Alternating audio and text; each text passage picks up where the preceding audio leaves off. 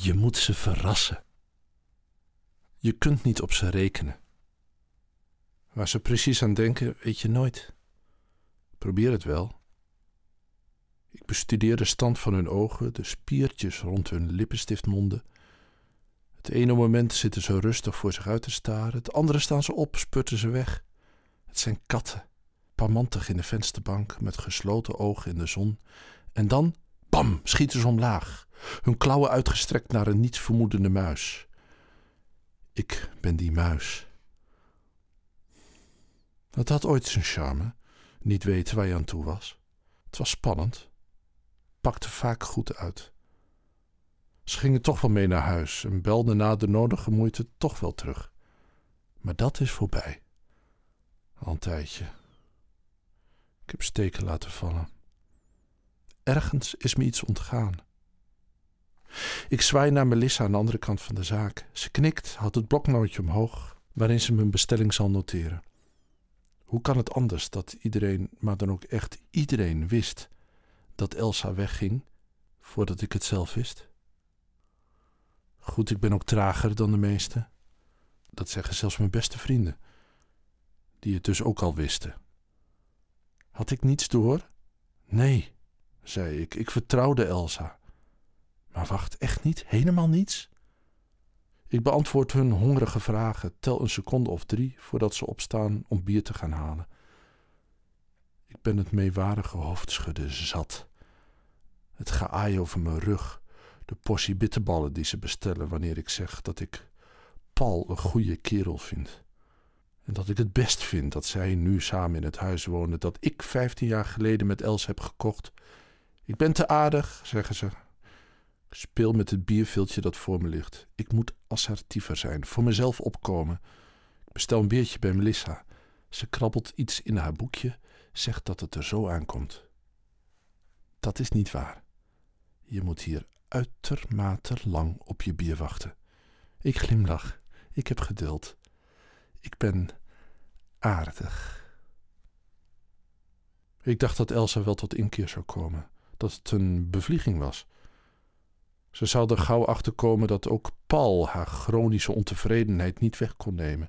Ik wachtte af, dat zei ik ook. Ik ga nergens heen. Je doet niks, helde Elsa toen ik bezig was mijn deel van de kledingkast uit te ruimen. Elsa hield de kast. Zij had hem tenslotte uitgekozen. Ik had mijn arm om haar schouder gelegd, was naast haar komen zitten op het rand van ons bed en had het beaamd. Maar zo wilde ze het toch? Ze hield toch niet van verrassingen, van spontane acties? Als ik het mocht overdoen, zou ik het anders aanpakken. Ik weet het, dat zegt iedereen. Maar ik meen het. Ik weet nu waar het is misgegaan. Ik kan de momenten aanwijzen waarop ik anders had moeten handelen. Het kwam erop neer dat ik had moeten handelen. Melissa komt aanlopen met doodgeslagen bier en haar verontschuldigingen. Ze heeft een bakje nootjes meegenomen, een zoenoffer. Ik bedank. Kijk haar na. Ze verzamelt lege glazen, zet ze op de dienblad en verdwijnt achter de bar. Ze zijn laat, jongens. Ik kijk op mijn horloge, breek het viltje in tweeën. Op de drie bezette tafeltjes bij het raam na is het café leeg. Melissa spoelt glazen, zet een andere cd op. Een jankende saxofoon. Ik beweeg mijn hoofd zachtjes mee. Paul is een interessante vent. Hij heeft een twinkeling in zijn ogen, flinke schouderpartij. Paul is zo'n man die altijd weet wat hij moet zeggen. En wanneer hij kort de onderarm van zijn gesprekspartner moet aanraken of dromerig moet wegkijken. Ik herken Elsa's bewonderende blik. Zo keek ze vroeger naar mij. Wanneer ik onze gasten onderhield over het beeldhouwwerk van Rodin bijvoorbeeld. Na het hoofdgerecht trok ik een zwaar boek uit de kast, bladerde naar de pagina met het monument voor Victor Hugo uit 1897. Zagen ze hoe de schrijver in gedachten verzonken was. Ik streek over de bladzijde, vertelde dat het gipsen ontwerp pas veertien jaar later in brons is gegoten. Elsa begon over mijn eigen beeldhouwwerk en ik zei dat ik ze straks een rondleiding zou geven door mijn atelier. Mijn verhalen, grapjes, snelle opmerkingen. Toen ik die kwijtraakte, verloor ik ook Elsa. Ik werd partner, stopte met beeldhouden. Het atelier lieten we verbouwen. Die paar extra vierkante meters konden we mooi bij de woonkamer trekken. Er kwam een grote eettafel te staan, waaraan we met nog grotere gezelschappen konden dineren. Ik nodigde steeds vaker mensen van de zaak uit, of de toko, zoals we de zaak noemden. Elsa mocht ze niet. Ze vond ze brallerig, te aanwezig. Merkte ik zelf dan niet dat ik er op zo'n avond geen woord tussen kreeg? Ik leg mijn hand onder mijn kin, focus op het tafelblad. Zou Melissa weten dat ik de denker uitbeeld? Melissa heeft de flessen sterke drank uit de stellage gehaald en zet alles met indrukwekkende nauwkeurigheid weer terug. Ik kijk naar de groene strik op haar onderrug, waarmee ze haar schort heeft vastgeknoopt. Toen ik hier voor het eerst kwam, zei ze u. ik zei dat ze me mocht tutoyeren en dat mijn naam Frank was. Ze noemde die van haar Melissa. Die past bij haar. Ze is blond, meisjesachtig speels en loopt nog net niet huppelend door het café op haar rode sportschoenen. Mijn ogen dwalen af naar beneden, naar onder die strik. Ze moet een jaar of zestien zijn, denk ik beschaamd. Een bericht van Robert, hij is later. Excuses, excuses. Even later ook een sms van Mike. Melissa vraagt of ik een drukke dag heb gehad en ik zucht als iemand met een zware baan voordat ik om een tweede biertje vraag. Hoe oud zou ze denken dat ik ben? Vallen de kraaienpootjes onder mijn ogen haar op? Elsa vond ze aandoenlijk. Ze kuste ze. Paul heeft geen kraaienpootjes. Robert en Mike lieten hun onbegrip duidelijk blijken. Kom op, man, zei Mike. Ze ging wel erg vaak weg. Een klassiekertje, vond Robert. Ik ben alles in mijn hoofd nagegaan, maar kwam er niet uit. Ons leven verliep vrij gestructureerd. Elsa en Paul hadden er blijkbaar keurig omheen gepland. Overdag werkten ze, voor zover ik wist. En s'avonds, rond een uur of zeven, kwamen we beiden thuis. Dan bespraken we wie er zou koken of wat we zouden bestellen. Het was een cadeautje voor de ander na een uitputtende werkdag. Chinees of sushi? Elsa wilde sushi, ik Chinees. We aten zelden fouillonghai. Melissa staat sneller voor mijn tafeltje dan verwacht. Er ligt een berg neurotische bierviltsnippers die ik onopvallend had willen weggooien. Ze veegt de stukjes karton op haar dienblad en ik veeg stuntelig mee. Wil je nog iets anders? Ze kijkt zo vriendelijk, zo open en geïnteresseerd, dat ik niet weet hoe ik terug moet kijken. Ik schud mijn hoofd, neem een slokje bier. Als ze zich omdraait, kijk ik naar de kont. Dit is geen Rodin-lijf. Ze heeft vlezige dijen, deinende billen. Zo anders dan die van Elsa. Elsa was een gespierde streep gehuld in een kokerrok. De avond van mijn vertrek lag Elsa naakt in het midden van ons bed, op de witte, stijve lakens. Het dekbed had ze eraf gegooid. De witte matras met daarover het strak gespannen laken was ons speelveld. Het was niet de eerste keer dat het me aan een wedstrijd deed denken. Schaatsen, skiën, iets winters in elk geval met veel sneeuw en ijs. Elsa bepaalde de regels. Zij was de coach, de scheidsrechter en misschien ook wel de tegenstander. De kussens had ze rechtop tegen het hoofdbord gezet. Witte kussens, in witte strakke slopen boven Elsa's witte, strakke lijf. Ik dacht aan de walging die ik in haar ogen zag, als ze die al open had. Meestal hield ze ze stijf dicht. Ze keek me getergd aan, alsof ze wilde zeggen: Ik doe dit allemaal voor jou, begrijp je dat wel? Na afloop schoot ze de badkamer in. Ik luisterde naar het geluid van de douche, dacht aan mijn hulpeloze zaad putje. Vier bier. En drie berichten op mijn telefoon. Nog meer excuses. Iets met werk, kinderen en een nieuwe datum. Aan de bar zitten vier blonde meisjes. Ze zeggen: Hallo meneer. Waarop Melissa mij voorstelt als Frank, een van de stamgasten.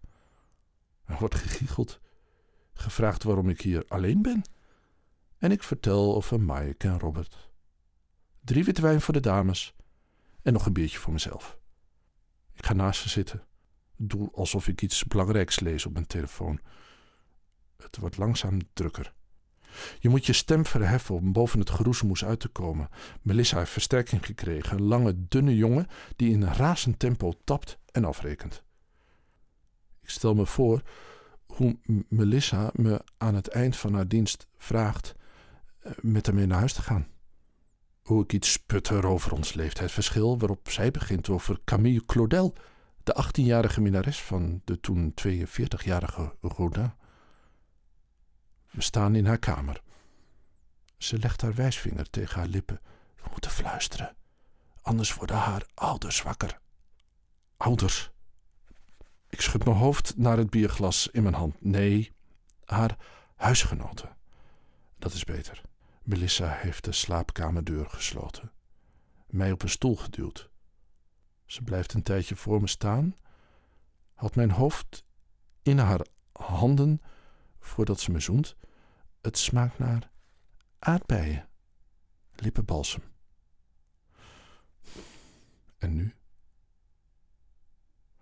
Ik probeer de vraagtekens uit mijn ogen weg te denken. Ze kijkt me uitdagend aan. Trekt de zwarte café overweg polo over haar hoofd. Melissa draagt geen BH. Ik zie zachte, ronde borsten met harde, lichtroze tepels.